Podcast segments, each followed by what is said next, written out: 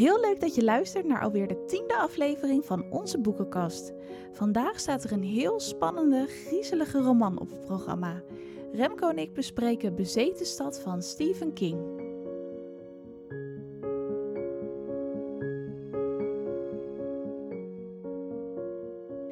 Nou, superleuk. Vandaag is het gewoon alweer de tiende aflevering die we gaan opnemen. Inderdaad, ja. Dat is wel heel eh, snel gegaan. We zijn nu denk ik ja, drie maanden of zo bezig om afleveringen te maken. Ja, dat zou 20 weken moeten zijn, hè? We doen er eentje om de week, dus... eh, Ja, we hebben één keer een extra aflevering gedaan. Oh ja, dat dus, is inderdaad eh, waar. Nou ja, ja, iets langer dan eh drieënhalve maand of zo. Maar dus, dat is voor ons wel speciaal dat we nu al in de tiende aflevering zitten. Ja. En voor deze aflevering hebben wij weer samen een boek gelezen, Remco en ik. Ja. En ja, wij luisteren dat dan eigenlijk via Storytel. Dus dan wat we doen als we lang in de auto zitten, zetten we dat aan. Of thuis bij het koken of zo. Zodat we het gewoon samen kunnen beluisteren bij je diner. bij het diner of eh, ja, als we even niet weten wat we moeten kijken op de tv of zo, dan eh, zetten we dat aan. Dan lekker in bad zitten, dat is ook nog wel een nice one. Ja, en dan je op je Bluetooth-box. Yep. Waterproof Bluetooth-box. Zelfs als die bad invalt, kunnen we Ja. gewoon doorluisteren.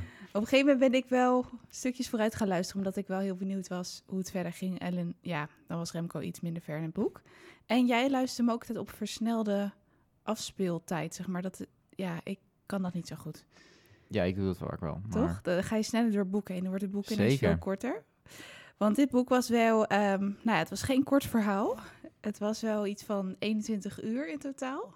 Ja, het is een eh, Ehm. redelijk eh, dik ding. Maar Ja. ja, dat is ook wel een beetje, was ook wel de- het uitgangspunt van, eh, van Stephen King. Ja, Stephen King. Had jij eerder iets van hem gelezen? Ehm, ik, heb, ik, heb, ik heb een aantal keren een deel van zijn boeken gelezen. En ik heb volgens mij wel eens een kort verhaal van hem gelezen ook, of één of twee. Ehm, maar ik had nog nooit een, zeg maar een, een, een novel van hem echt helemaal uitgelezen, moet ik eerlijk bekennen. Nee. Nee, het was voor mij echt de allereerste keer dat ik iets van hem las. Ik dacht echt van... eh, ja, Stephen King is natuurlijk wel een begrip.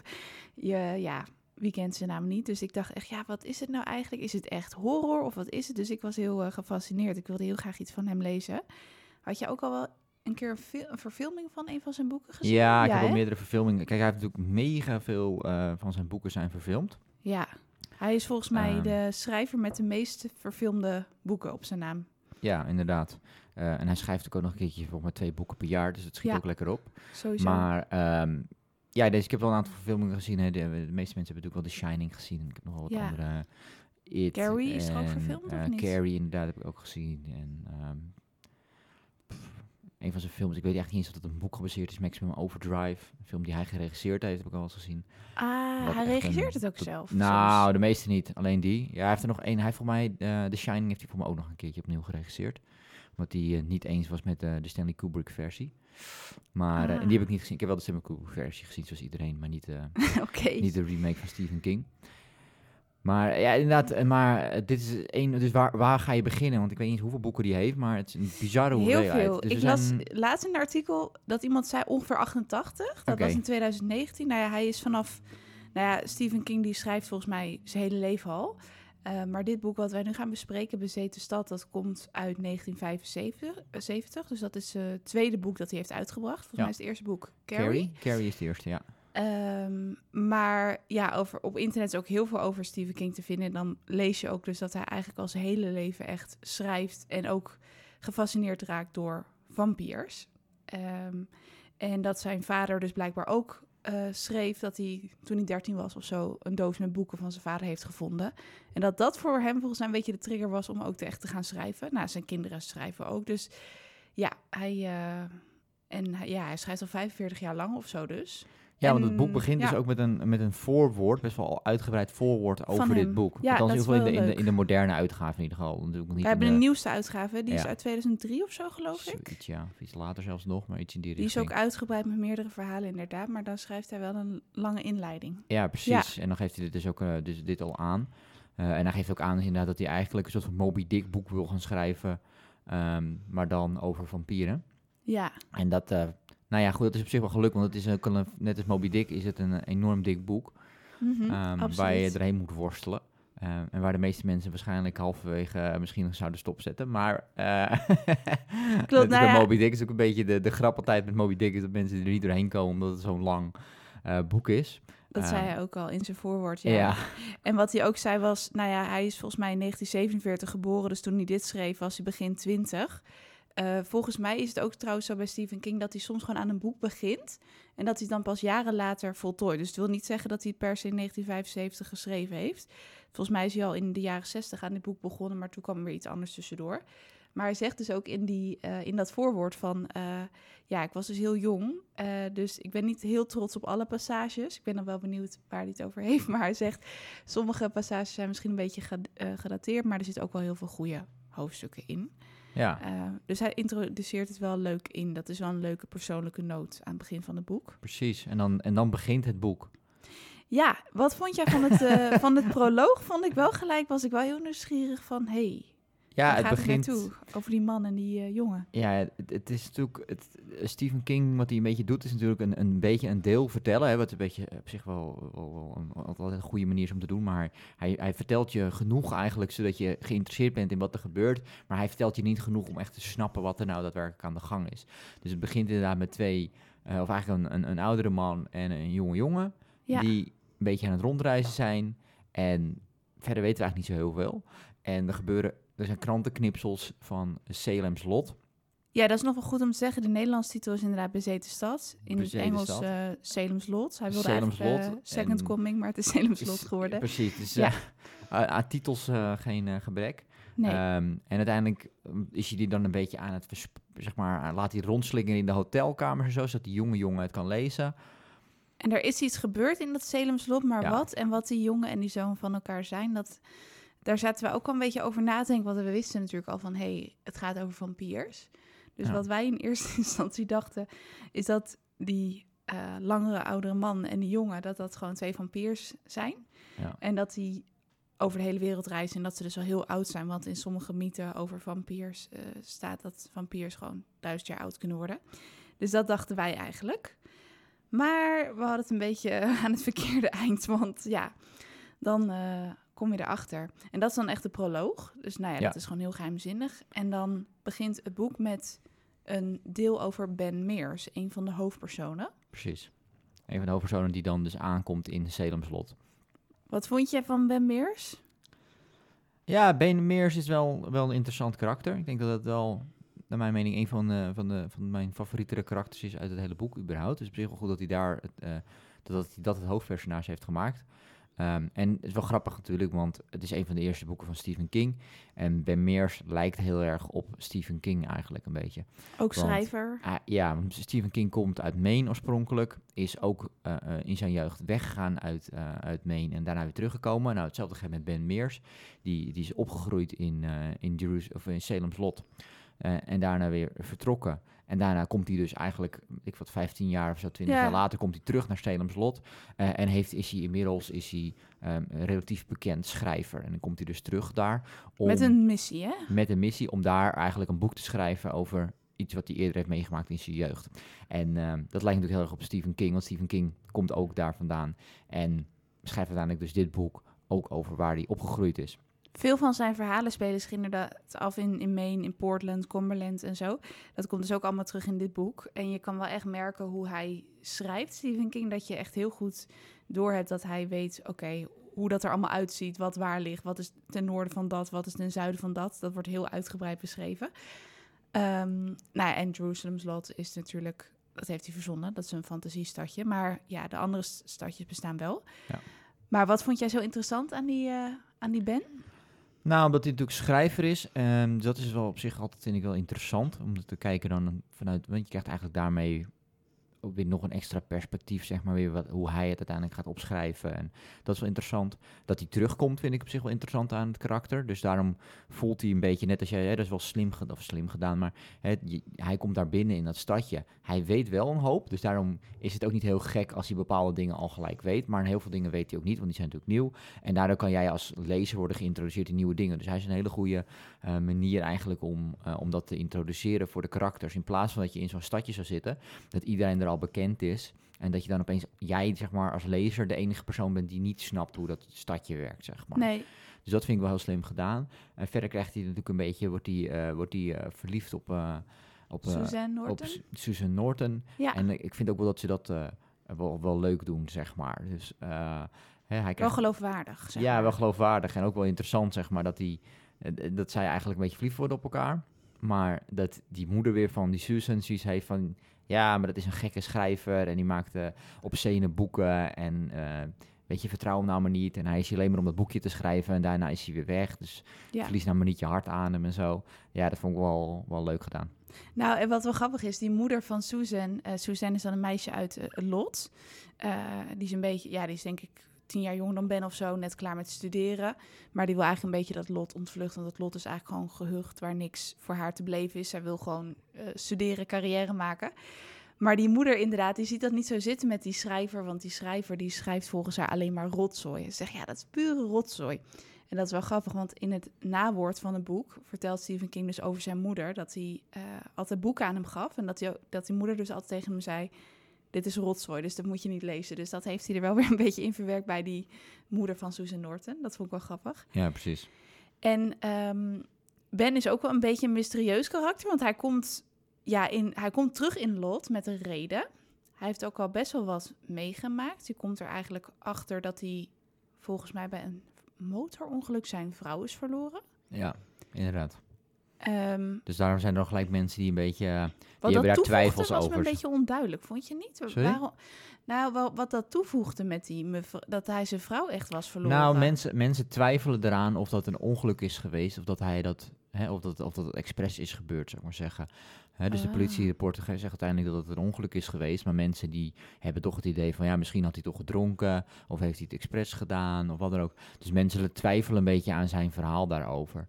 Ehm, Ah, zo. En dat voegt een en voornamelijk natuurlijk mensen die al een beetje op tegen zijn dat hij dat dorpje binnenkomt. Wat mensen natuurlijk een beetje zijn in zo'n klein gehuchtje, dat is het idee ervan. Ja, Ehm, gebruiken dat nog een keertje om hem eigenlijk eh, extra in een, eh, in, in een slechte daglicht te brengen, zeg maar. Dus ja, dat zeggen van ja, zijn vrouw is overleden en eh, dus kijk nou maar uit Susan, straks ben jij de tweede die een motorongelukje heeft met hem en zo. Dus ja, Ja. dat is een beetje wat daar wordt ge, daarmee wordt ze een beetje ge, geïmponeerd. Maar, dat de Ja. mensen, men, maar Susan zelf heeft daar niet zoveel last van. Die lijkt Nee. wel redelijk eh, nuchter. nuchter ja. te zijn en wel redelijk duidelijk te zijn dat ze, dat ze toch verder wil. Ja, wat je ook zei van hoe ze elkaar dan leren kennen. Ben en Susan, zij zijn eigenlijk een beetje een, een ja, groot deel van de hoofdpersonages. komen nog wel wat bij. Maar hè, in een park leren ze elkaar kennen. En ik vind dat King ook wel de dialogen wel heel sterk doet. Eh, hij, hij kan wel goed gesprekken schrijven. Dat je denkt, oh ja, ik zit er gewoon bij en dit is een echt gesprek. Had jij dat ook? Dat je denkt van, dit is wel geloofwaardig? Of... Ja, heel veel van zijn karakters zijn natuurlijk geloofwaardig, maar ook heel veel van zijn karakters zijn niet per se ehm likable mensen, om het zo maar te zeggen. Dus er zitten best wel wat, wat ongure karakters ook tussen. Eh, wat ook wel helpt op een gegeven moment natuurlijk als de men, sommige mensen niet helemaal ehm, ehm, een fantastische situatie terechtkomen, dat je daar eh, ook wel enigszins van kan genieten in sommige gevallen misschien. Omdat ze Maar- slecht zijn. dat ja. het niet helemaal eh, koosjere mensen zijn. Maar ehm, ja, het is wel, wel inderdaad interessant hoe hij dat schrijft. Ja, een van de, je, je gaf net al aan, hè, hij, hij sch- beschrijft heel veel dingen heel, heel uitgebreid. Hè, dus waar het dorpje ligt, ja. et cetera, et cetera. Dat is wel iets wat ik voor mezelf altijd op een gegeven moment denk van ja, dit, dit, dit, dat duurt mij wel iets te lang. Dat is wel, vind ik wel een, een nadeel. Ik weet niet of jij dat ziet, maar sommige van die dingen, hè, zoals dat boek, dat duurt dus eh, ruim 20 uur als je het eh, luistert. Ik weet eigenlijk niet, voor mij is het iets van 700 bladzijden. ja, zeker je toch een- 600 volgens mij. Ehm, ja. Dat ik denk van ja, weet je, daar had je er echt wel honderd van af mogen snoepen door gewoon in sommige gevallen iets minder gedetailleerd te omschrijven hoe, hoe een, een blikje cola, een druppeltje ervan afloopt en dat soort, dat Ja, soort het details. is heel gedetailleerd. Ik, aan de ene kant hou ik daar wel van. Hè, want je ziet het echt voor je. Het verhaal komt echt tot leven als je het aan het lezen bent. Dat vind ik er heel leuk aan. Ehm, en ik vind dat Stephen King ook het in hele mooie bewoordingen omschrijft. En ook wel heel knap, want hij was dus echt heel jong toen hij dat deed. Dus daarin vind ik zeker dat hij wel een talent heeft voor schrijven, absoluut. Maar eh, soms, ik snap je wel dat je zegt van het is soms wel iets te uitgebreid. Dat je denkt, nou kom op, eh, waar, eh, waar zijn die vampiers? Wat gaat er gebeuren? Weet je, alles echt, alle personages worden ook heel zorgvuldig uitgewerkt. Wat op zich wel weer ten goede komt in het einde van het verhaal. Maar ja, sommige dingen zijn wel heel uitgebreid met welk merk cola ze inderdaad drinken. Of ja, dat je denkt van nou, dit- ja, dit had wel iets korter gemogen. Maar volgens mij, dat heeft hij wel in meer boeken, toch, Stephen King? Ja, vind ik wel. Ehm, dat vind ik wel altijd een, een, een pro- probleem, om het zo maar te zeggen, aan zijn boek inderdaad. Dus iets, iets te gedetailleerd en in sommige gevallen iets te veel herhaling. Kijk, uiteindelijk wat, Ja, je, wat, hij, wat hij probeert te doen, naar mijn gevoel, en dat wordt door het sommige gevallen te de- gedetailleerd te beschrijven, wordt het een beetje een probleem. Is dat hij eigenlijk spanning creëert. Hè? Dus hij, je hebt zoiets van, oh, ik wil weten wat er gebeurt. En door al die details en al die tussendingen- tussenbijkomende dingen te bespreken, rekt hij eigenlijk die spanningsboog uit. Waardoor je langer gespannen bent. Waardoor als die ontknoping komt, dat het spannender aanvoelt. Alleen in sommige gevallen duurt die ontknoping zo lang dat je op een gegeven moment niet eens meer weet waar je nou precies gespannen over moest zijn. Oh ja, er ging inderdaad iets engs gebeuren. Ja, klopt. Maar wat ook alweer? Ik heb geen idee, want ik heb nu ondertussen alweer 20, 30 bladzijden aan allerlei andere dingen gaan meegemaakt. Met mensen die, die, die aan het fietsen waren en mensen die aan het lopen waren. En Het is gewoon heel raam wat gedetailleerd. ergens ja. klappert en weet ik het allemaal. En dat leidt op een gegeven moment wel een beetje af. Het is denk ik wel heel erg wennen als je het, eh, als je het niet gewend bent, zo, zo gedetailleerd. Ik denk dat mensen er ook wel heel erg van kunnen houden. Ik, ja, op een gegeven moment, als ik eenmaal, toen ik in een boek verwikkeld zat, toen wilde ik het ook echt uitlezen. Toen was ik ook wel echt heel benieuwd. Maar het is wel even inkomen. En ook met name, dat vond ik wel grappig aan dit boek. De hoofdstukindeling is eigenlijk, ja, je hebt gewoon hoofdstuk 1, 2, 3, 4. Maar je hebt dus eigenlijk een aantal hoofdstukken. Dan is het weer vanuit Ben's eh, perspectief geschreven, maar ook weer vanuit Susan Norton. Maar je hebt ook hoofdstukken waar dan staat het lot. Dus dan lees je eigenlijk een paar eh, paragrafen over de bewoners van het lot. Dus die leer je dan kennen.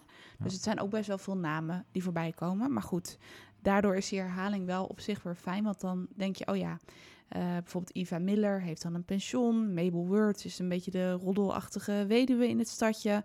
Eh, de McDougals, volgens mij, als ik het goed uitspreek hoor, jongens, sorry. Maar dat is dan weer een, een familie. En dan heb je weer Parkins Gillespie, dat is weer de politieagent. Dus die introduceert hij allemaal. Eh, en zo nog wat meer personages. Dus dat, vond jij dat ook een beetje, dat je het een beetje door elkaar ging halen? Ja, de verschillende schrijfstijlen zijn inderdaad soms wel... eh, soms voegt het inderdaad wat toe. En soms ehm, haalt het inderdaad wat van het verhaal af, om het zo maar te zeggen. Eh, omdat het soms inderdaad dat je echt denkt van... Oké, ik was eerst... eh, z- zat ik het vanuit Ben Meers perspectief te bekijken. Nu is het zeg maar de narrator, dus de verhaalverteller... die het een keer over iets vertelt.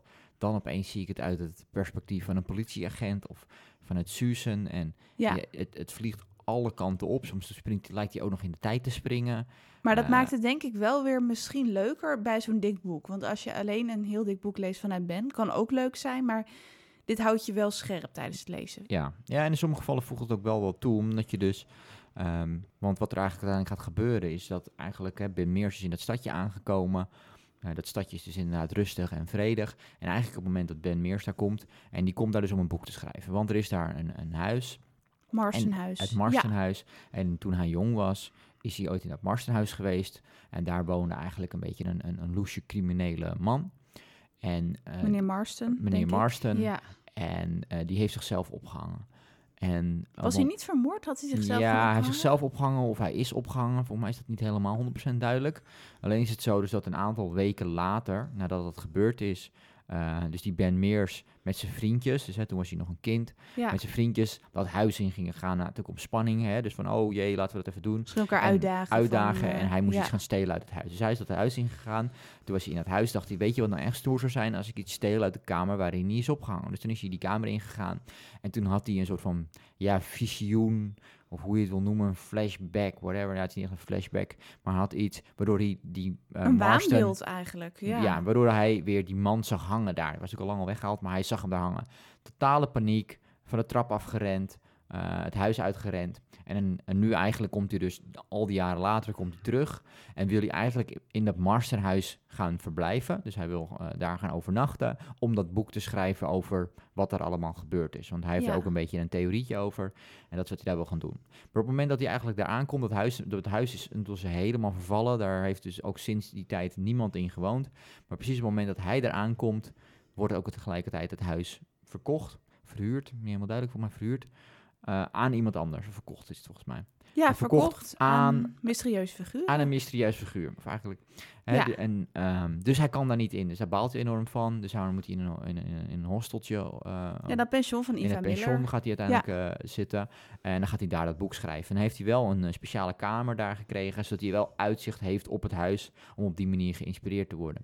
Ja, Maar eigenlijk vallen er dus twee dingen samen. Dus Ben Meers is in het stadje gekomen en het huis is verkocht met daarbij ook een, een beetje een dubieus iemand die dat huis heeft gekocht. En eigenlijk op dat moment beginnen er vreemdere dingen te gebeuren in het stadje. ja. Dan begint de spanning te komen. En ja, die Susan is ook gefascineerd door het Marsenhuis. Dus die eh, gaat samen met Ben een beetje op onderzoek uit. En Ben heeft inderdaad allemaal eh, raadselachtige theorieën daarover. En dan zien ze dus ook op de raarste tijdstippen zien ze daar licht branden en zo. Dus het is echt bewoond. Ehm, en ja, in het begin dacht ik ook van... Hè, je leert dus al die personages uit de stad kennen. Van wat heeft dat voor nut? Maar die krijgen allemaal eigenlijk te maken met de bewoners van het Marsenhuis. Dus die komen allemaal weer terug. Precies. Ehm, want je zei net, er waren ook wat minder sympathieke karakters. Weet Ja. je nog eentje die is bijgebleven? Nou, er zit een, de, de, een van die mannen die, eh, die woont op de vuilnisbelt. En, Dat ehm, Rogers of zo heet hij geloof ja, ik. dat is een Ja. beetje een, eh, een loesje figuur. Die zit, dus die Ja. zit, dat is een beetje een, een die op de, de vuilnisbelt werkt. En eh, nou, eigenlijk niemand mag hem natuurlijk. Hij stinkt ook naar vuilnis. En die zit eigenlijk, die heeft een hekel aan ratten. En die zit eigenlijk heel uitgedetailleerd en uitgebreid te vertellen over hoe die dus die ratten aan het doodschieten is. En hoe die liggen te kronkelen in de bagger. En weet ik het allemaal. Heel veel narigheid. Heel ja. veel narigheid. en ondertussen hoe die aan het eh, opgewonden raakt van een eh, meisje wat in de... Wat in de in heel klein meisje eigenlijk een, nog. Een heel klein, ja, ik weet niet, heel 16 of zo, denk ik. zo. Ja. Eh, het wordt niet helemaal met de, met de leeftijd benoemd, maar inderdaad, het lijkt in ieder geval een minderjarig meisje te zijn, waar hij waar die opgewonden van wordt, eh, die, in de, die in het dorpje werkt eh, of woont. En ehm, ja, allemaal van dat soort vreemde dingen en allemaal gekke, gekke dingen. En op een gegeven Ja. moment inderdaad komt dus die... eh, en, verder anders heb je ook nog eh, mensen die dus eh, verhuizen. Dus de verhuizers die de spullen eigenlijk in dat Marstenhuis verhuizen. Dus die hebben allemaal de opdracht gekregen om spullen op te halen uit de haven. En Ja. om die spullen uiteindelijk te brengen naar dat Marstenhuis. En dan wordt er ook nadrukkelijk gezegd... eh, er moet een slot op zitten en j- jullie mogen niet kijken. Het zijn gewoon zware dressoirs en zware kasten. Heel antiek. Ja. Allemaal antiek en eh, je moet er niet in kijken. En nou, dat wordt dan naar het huis gebracht. En dan wordt er ook gezegd dat het inderdaad een antiek winkeltje gaat worden. En dat van Straker en Barlow. en, ehm, maar ondertussen heb jij natuurlijk, eh, of heb ik in ieder geval het idee, en jij volgens mij ook wel, van hé, hey, dat zijn waarschijnlijk eh, dan lijkkisten. Doodskist eh, voor de doodskisten vampiers. voor de ja. vampiers. Maar Ja, dat- ja. Opnieuw, dat weten we niet. Dus typisch natuurlijk wat er dan gebeurt. Hè? Dus wordt een stukje informatie geven. Jij zelf gaat nadenken. En dat doet natuurlijk heel goed. En daar creëer je wel echt heel veel spanning mee. Eh, maar dat zijn eigenlijk ook twee loesje figuren. En eigenlijk ook weer die per- persoon die dus dat huis heeft verkocht. Larry Crockett, dat is echt zo'n Ja, dubieuze Nou ja, makelaar. die heet ook eh. Crockett. Nou, hè, die is crooked, eh, zou ik wel zeggen. En die, ja, dat is gewoon een loesje gozer ook. Dus er zijn heel veel van dat soort karakters die inderdaad, ja, die niet helemaal... Beetje schimmig. Een beetje schimmige figuren. En wat, daar wat ik ook wel leuk vind aan het boek is dat je dus heel gewone dingen leest. Van hè, kinderen gaan naar school, eh, ze zijn inderdaad dingen aan het verhuizen. Dat wordt dan wel steeds wat ongewoner. Of mensen gaan naar het café. En dan gebeuren er stukje bij beetje heel rustig beginnen er dus duistere dingen te gebeuren. Waardoor het dus het idee is van dit kan iedereen overkomen. Dat is natuurlijk het enge aan het boek. En dat is voor mij wat Stephen King daar ook graag mee wil bereiken. Dat je het idee hebt van het is heel onwerkelijk. Het kan niet wat er gebeurt, maar toch gebeurt het. Dus eh, ja, het kan iedereen overkomen, zeg maar. Ja. ja, want dan op een gegeven moment inderdaad zijn er dus eh, ouders, die hebben twee zoontjes. En ehm, die twee zoontjes die zeggen, nou, hey, we gaan even bij een vriendje spelen. Oh ja, de familie Glik, ja. En eh, die, die zeggen, nou, is goed. En het oudere broertje met het jonge broertje gaan dus door het bos heen lopen naar dat vriendje toe. En op een gegeven moment komen ze nooit bij dat, Ja. bij, dat, bij dat vriendje komen ze nooit aan. Dus op een gegeven moment wordt er een beetje heen en weer gebeld. En ehm, op een gegeven moment komt dus dat oudste broertje, eh, die, komt, ja. Danny, die komt dus terug ehm, bij die ouders, volledig in shock. Eh, en die zegt, weet je, dan vraagt ze natuurlijk, hey, waar is het jongere broertje? En dan zegt hij, ja, zegt hij, ja, die is weg. En ondertussen valt die jongen eigenlijk flauw. En die, die, die moet het ziekenhuis in, want dan gaat het niet zo goed mee met het oude eh, jongetje. Nee, en dat En ze hebben- zijn broers verdwenen, ja. Ja, en zijn broertje is verdwenen. En ze hebben eigenlijk geen idee wat er nou gebeurd is, want hij kan eigenlijk niks vertellen. En dan ligt hij in het ziekenhuis. En dan maakt ze heel veel zorgen. En de doktoren gaan allemaal onderzoeken doen. Ehm, en dan stellen ze ook allemaal vragen aan die ouders. Dus het, het voelt heel erg aan alsof er iets gebeurd is met hem, alsof hij een ziekte heeft.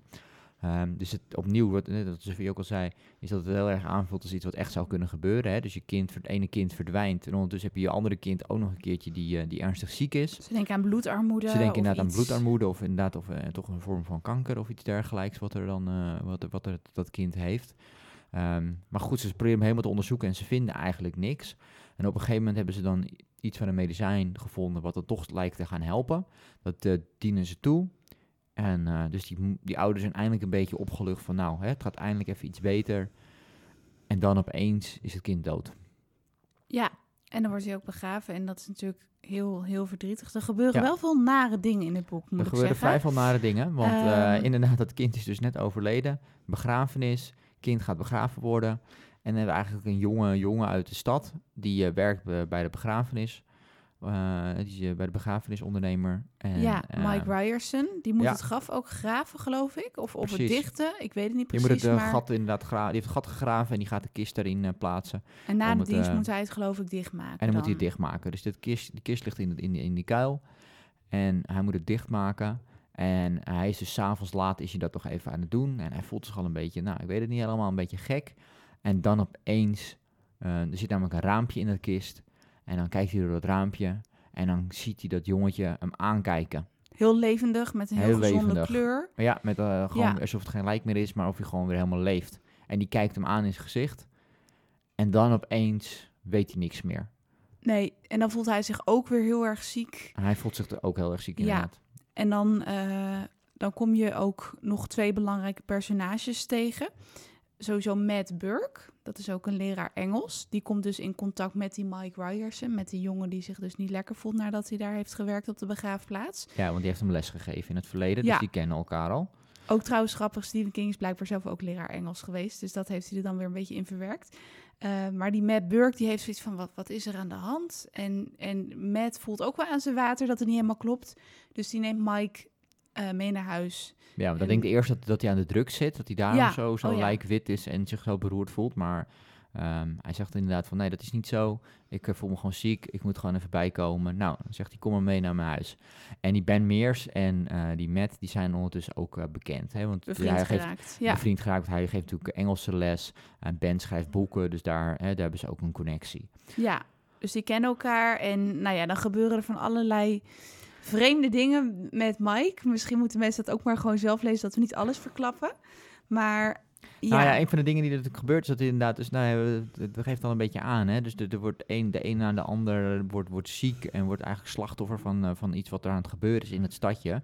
En iedereen zit een beetje in dubio, want er zijn eigenlijk het, alle gebeurtenissen hebben plaatsgevonden sinds er twee dingen zijn gebeurd. Dus eigenlijk er is iemand binnengekomen in het Marstonhuis en Ben Meers is gekomen.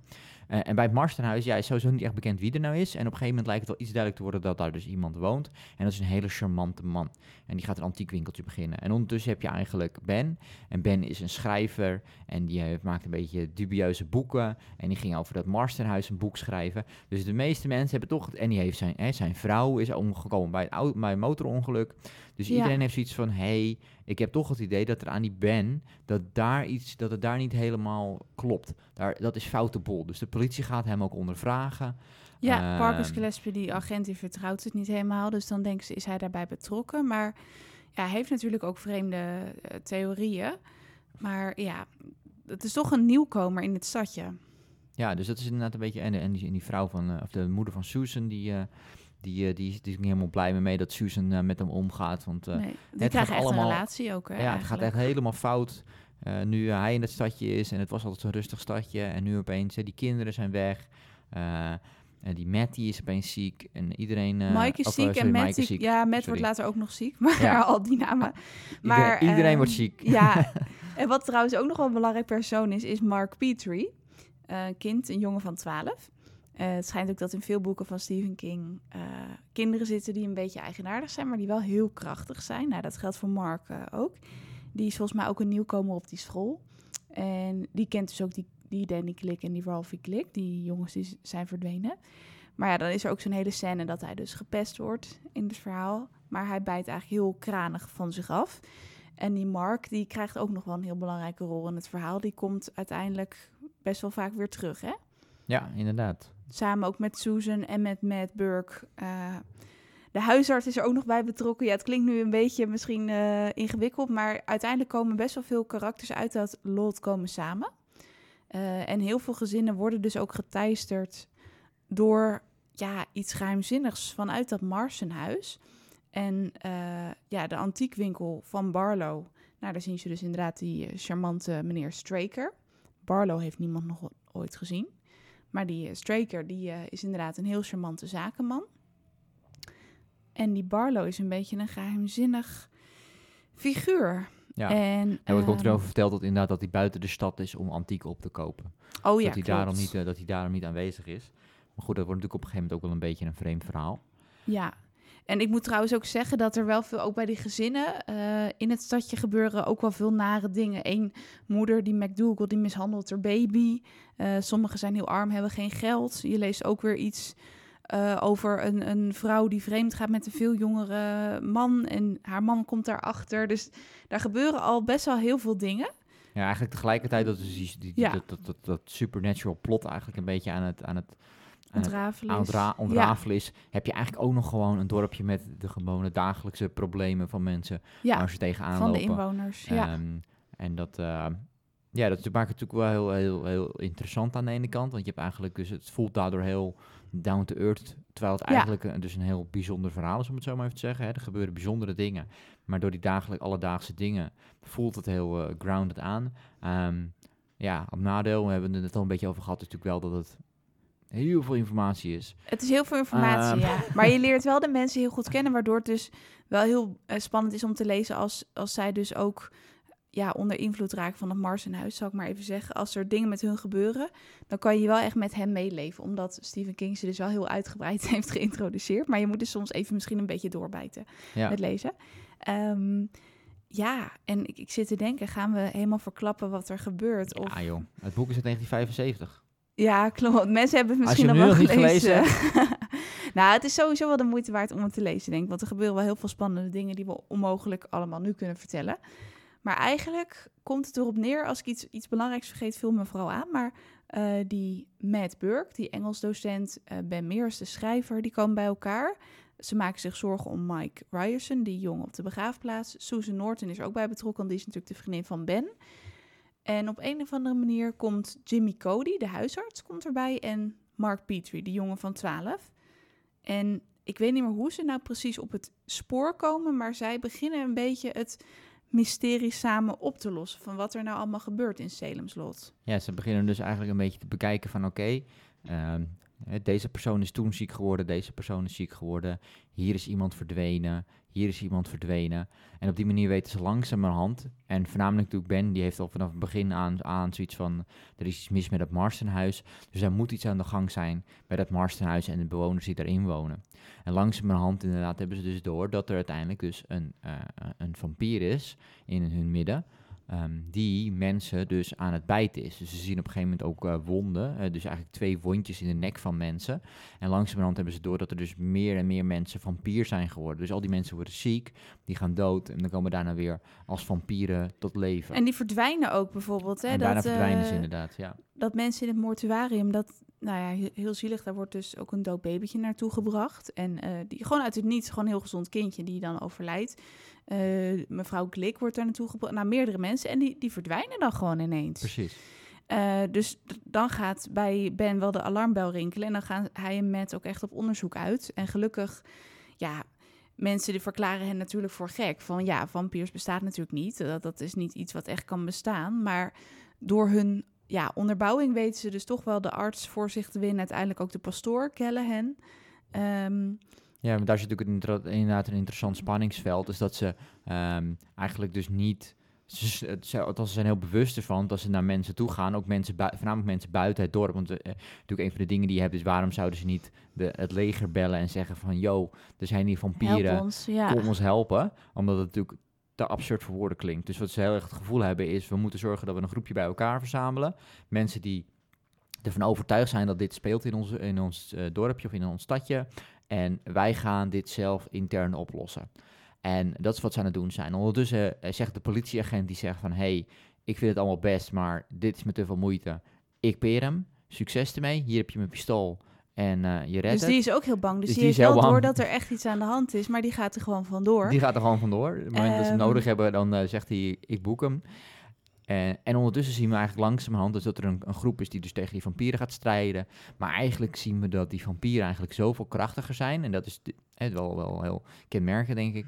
eh, is dat die vampieren natuurlijk al zo lang leven en zo krachtig zijn. Dat die eigenlijk ook winnen van de mensen. Dus maakt het- Barlow is die vampier. Dus Mm, ja, zeg ik het goed? Ja, die Straker is die man van die antiekwinkel en Barlow is zijn ja, compagnon. Maar wat je al zei, die Barlow die was Ja. steeds weg. Nou ja, Precies. die ligt natuurlijk overdag in zijn kist, want die is een vampier, dus die kan niet tegen licht. Ja.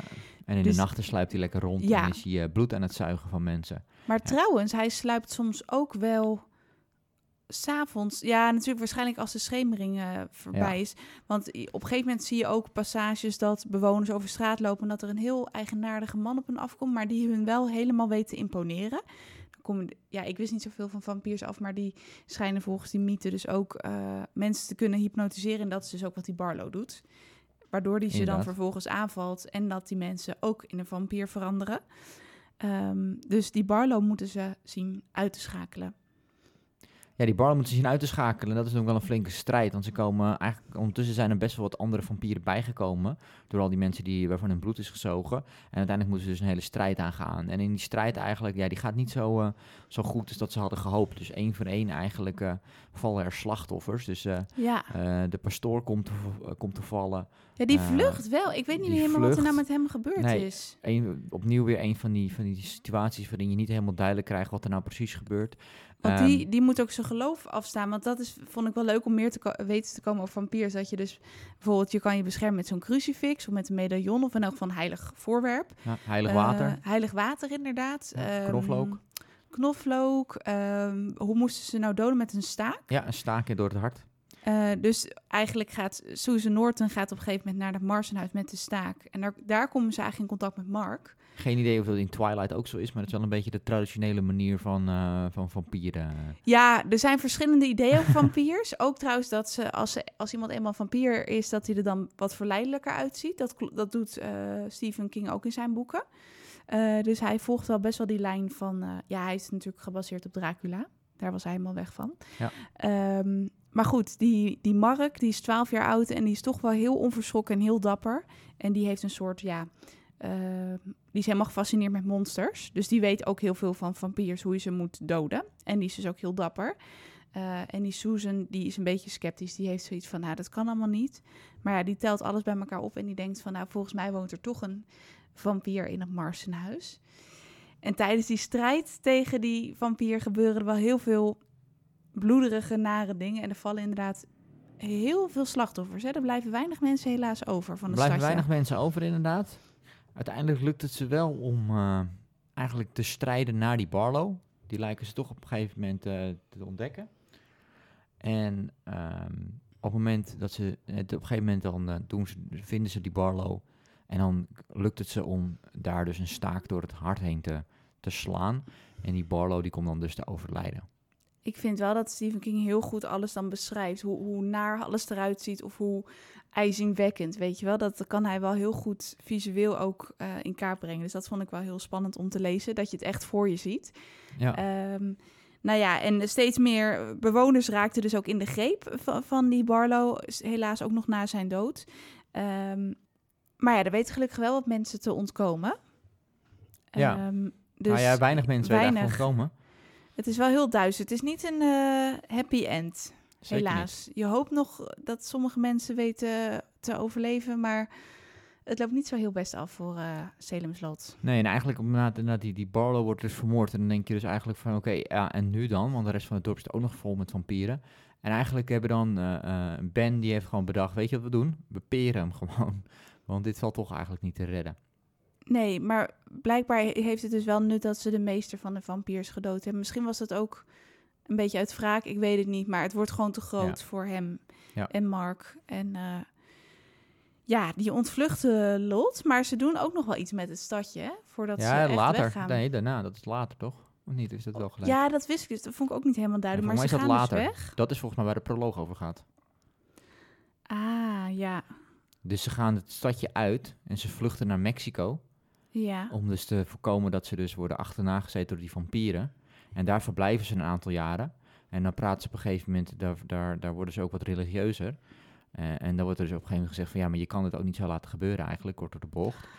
En Ah. daarna zien we eigenlijk waar die proloog mee begint. Met dus de lange man en de jonge jongen. Want het zijn dus eigenlijk Ben Meers en die, eh wat is het? Mark, Mark. Petrie. Ja. Mark. En dan gaan ze dus terug naar Ah, dat komt Salem's dus Lot of naar Jerusalem na die proloog. Die epiloog sluit zeg maar aan op de proloog. Dat ze Precies. dan teruggaan naar en het dan gaan stadje. ze dus terug naar het stadje om er een, zeg maar een einde aan te breien. En hoe kunnen ze dat Ja. dan doen? Dus dan heeft Ben Meers bedacht van die vampieren die slapen allemaal overdag. Eh, en die zitten eh, in, eh, in al die, in die kisten. Dus dat is niet te doen om die allemaal door te, te- allemaal te gaan doden. Maar Nee. vampieren kunnen ook doodgaan door vuur. Dus wat hebben ze gedaan? Ze hebben gewacht tot er een hele hete, droge zomer komt. Zodat het hele dorpje enorm droog is. Al het, al het gras eromheen droog is, et cetera. Dan gaan ze daar naartoe en dan steken ze dat aan. Waardoor het hele dorp met vampieren en alles totaal afbrandt. Met iedereen erin. Dat doen ze dus ook na aanleiding van al die alarmerende krantenartikelen. Dat er dus nog steeds verdwijningen Precies. plaatsvinden. Ja. Eh, het is echt een soort spookstadje. Ja. Dus ja, er blijven steeds minder mensen over. En ja, die Ben inderdaad, dat is dus wat je leest in de proloog. Ben en Mark zijn dus de lange man en de jongen. Het zijn dus niet vampiers, dat wij in eerste instantie dachten. Nee, en het is ook geen vader en zoon. Nee, nee, precies. Dus eh, dat raadsel is opgelost. Maar ja, die, die leest dus al die artikelen en die heeft, ja, ze voelen zich zo schuldig. Ze kunnen eigenlijk niet meer doorleven zo. Dus dan eh, gaan ze het zo oplossen. Precies, en dan is eigenlijk het hele stadje afgebrand. En eh, zijn eigenlijk alle vampieren dus gedood.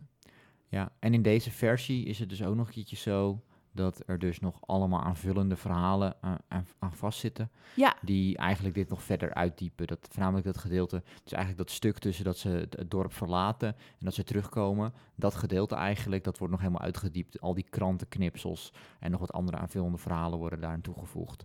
Ehm vond je dat echt wat toevoegen aan het verhaal? Zeg je van nou, ja, het, het had niet per se gehoeven voor mij.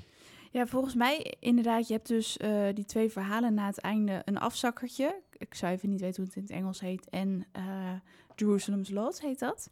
Dat zijn volgens mij verhalen die inderdaad aan de luxe editie zijn toegevoegd. Ik vond een afzakkertje vond ik nog wel spannend. Dat gaat dan over iemand bij Jerusalem's Lot, nou ja, die ook in een sneeuwstorm zijn vrouw en kind eh, kwijtraakt. Dus dan, dan wordt het weer bevestigd hoe gevaarlijk dat spookstadje is. En daarna komt inderdaad dat verhaal dat is dan eigenlijk nog helemaal het echte begin. Hè? In de jaren 1800, 1900 speelt dat zich af. Heel veel brieven. En dat vond ik een beetje... Ja, ik vond er moeilijk een touw vast te knopen. Laat ik het zo stellen. ik weet niet of jij dat ook had. lo- ja, het zijn allemaal losse krantenknipsels die eigenlijk een, wat hij daarmee probeert te doen is dat het gevoel te creëren dat dus dat, dat kwaad, zeg maar, waar het over gaat, dat dat dus eigenlijk al eeuwenlang zo is. Hè? Dus dat het veel groter is dan alleen maar een gebeurtenis wat een aantal jaren duurt in een stadje. Dat is eigenlijk wat hij daarmee probeert te bereiken. Maar ik ben het met je eens dat het eigenlijk een beetje aanvoelt. Het is allemaal losse flarden die, ja, ik weet niet. Het, is, het leest niet lekker, het, het, het voegt niet heel veel toe. Hij vond het zelf En- trouwens ook niet zo goed verhaal. Heb ik eens in een interview gelezen. Hij heeft dat blijkbaar dus al in 1967 geschreven, dat verhaal. Toen hij eh, les gaf op school. En dat ging over Dracula. En hij was dus helemaal weg van Dracula. Maar toen heeft hij dus dit verhaal geschreven. Maar hij, heeft, hij- ja, hij, heeft daar dus, eh, hij was daar ook nooit zo tevreden mee. Maar goed, dat is wel gewoon toegevoegd. Het gaat een beetje over het ontstaan van het stadje. Ja. Dus dan heb je wel het volledige beeld. De, dat is misschien een beetje het idee. Ja, Eh, dus ja, ik... een ja, hoop gebeurt, hoop, hoop karakters. gebeurd. Ja, er is echt nog heel veel te lezen hoor. Want de- ja, er zijn echt heel veel karakters die we, ja, die we niet allemaal kunnen benoemen. Maar er gebeurt echt van alles. Ja, Heel spannend. Ik had ook nooit eerder een boek eigenlijk over vampiers gelezen. Jij wel? Eh, ik heb Bram, Bram Stoker's Dracula heb ik gelezen. Oh, die heb je wel gelezen. Want daar, Ja. daar heeft hij dus helemaal zijn inspiratie uitgehaald. Ja. Hij had zoiets van, wat zou er gebeuren als Dracula eh, naar Maine zou komen? Nou, en toen begon dit verhaal zich dus eh, te ontwikkelen in zijn hoofd. Precies. het, li- het Ehm, lijkt daar niet echt op hoor, moet nee? ik zeggen. Ja, kijk, het heeft natuurlijk een beetje dus, eh, dezelfde elementen, omdat het een vampierenboek is. En, en dat, dat heeft over het algemeen een paar van dezelfde elementen. Hè? Dus iemand die, die verhuist naar een stad en waar, waarvan niemand echt weet hoe en wat. En hij is ja. charmant en opeens gebeuren er toch gekke dingen om hem heen. En nou ja, dat soort dingen. En op een gegeven moment een soort van eh, heksenjacht, zeg maar, tegen die persoon. Dus dat zijn wel vergelijkbare dingen inderdaad. Ehm, maar goed, natuurlijk de manier van schrijven en, en hoe de, de, de details, et cetera, zijn wel, zijn wel daadwerkelijk anders. Dat heeft hij wel echt zijn eigen draai aan gegeven. Ja, Ja, ja precies. dat Ja, is wel echt een Stephen King boek. ja, ik vond het wel echt spannend en eh, knap geschreven. Ja, dus je zou hem ook wel aanraden. Ja, ik zou hem wel aanraden. Ja, wij allebei vonden het dus wel heel uitgebreid. Daar moesten we gewoon inkomen. Maar al met al vond ik het wel gewoon heel fijn geschreven. Ik vond het trouwens ook een hele fijne voorlezer uh, op Storytel. Ik weet niet of jij dat ook vond. Jawel, jawel, ja. Alleen inderdaad, voor mij mag het tempo wat hoger, maar... ja, precies. Als je dit niet gewend bent, het is gewoon wel een dikke pil. Maar uh, het is gewoon goed uitgewerkt. Alles klopt ook wel. Dat, dat maakt het wel leuk om te lezen en gewoon spannend. En ja, heel beeldend geschreven. Waardoor je echt uh, soms de rillingen over je rug lopen tijdens het lezen. Dat je denkt van, ik zie dat Mars een huis zo voor me. Precies. Ja, dat is wel, dat, dat dorpje is wel echt heel levendig. Dat dorpje kan je gewoon, heb je volledig in je hoofd ook maar zeggen hoe dat eruit ziet en hoe dat werkt en hoe dingen gebeuren, et cetera. Dat, uh, dat, dat voegt inderdaad wel heel veel toe aan het, aan het verhaal. Ja. En daardoor blijft het je ook wel heel erg bij. Dat ja. het alleen maar de, Stel je voor dat je het alleen maar zou hebben over de vampieren en de jacht daarvan. Ja, dan is het eigenlijk niet zo'n heel interessant boek. Het is gewoon een beetje 13 zijn vampierenboek.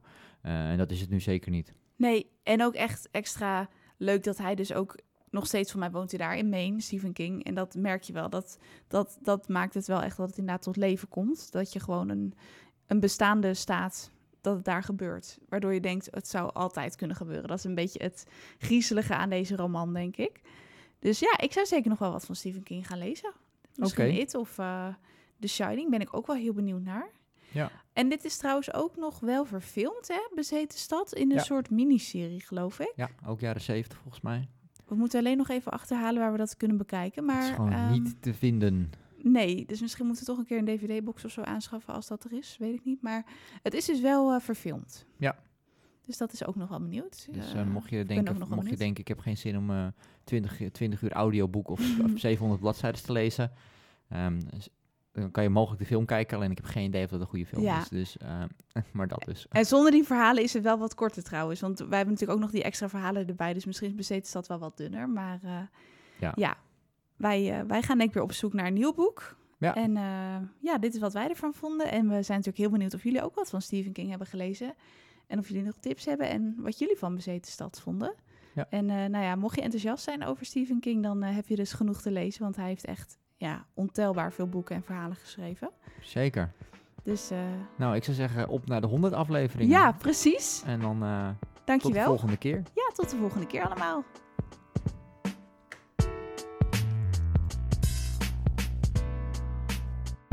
Heel erg bedankt voor het luisteren. Als je het leuk vindt, kun je ons volgen via Twitter. En je kunt je ook abonneren via jouw podcast-app, zodat je direct een melding krijgt als wij een nieuw boek hebben besproken. Een hele fijne week en hopelijk tot de volgende keer.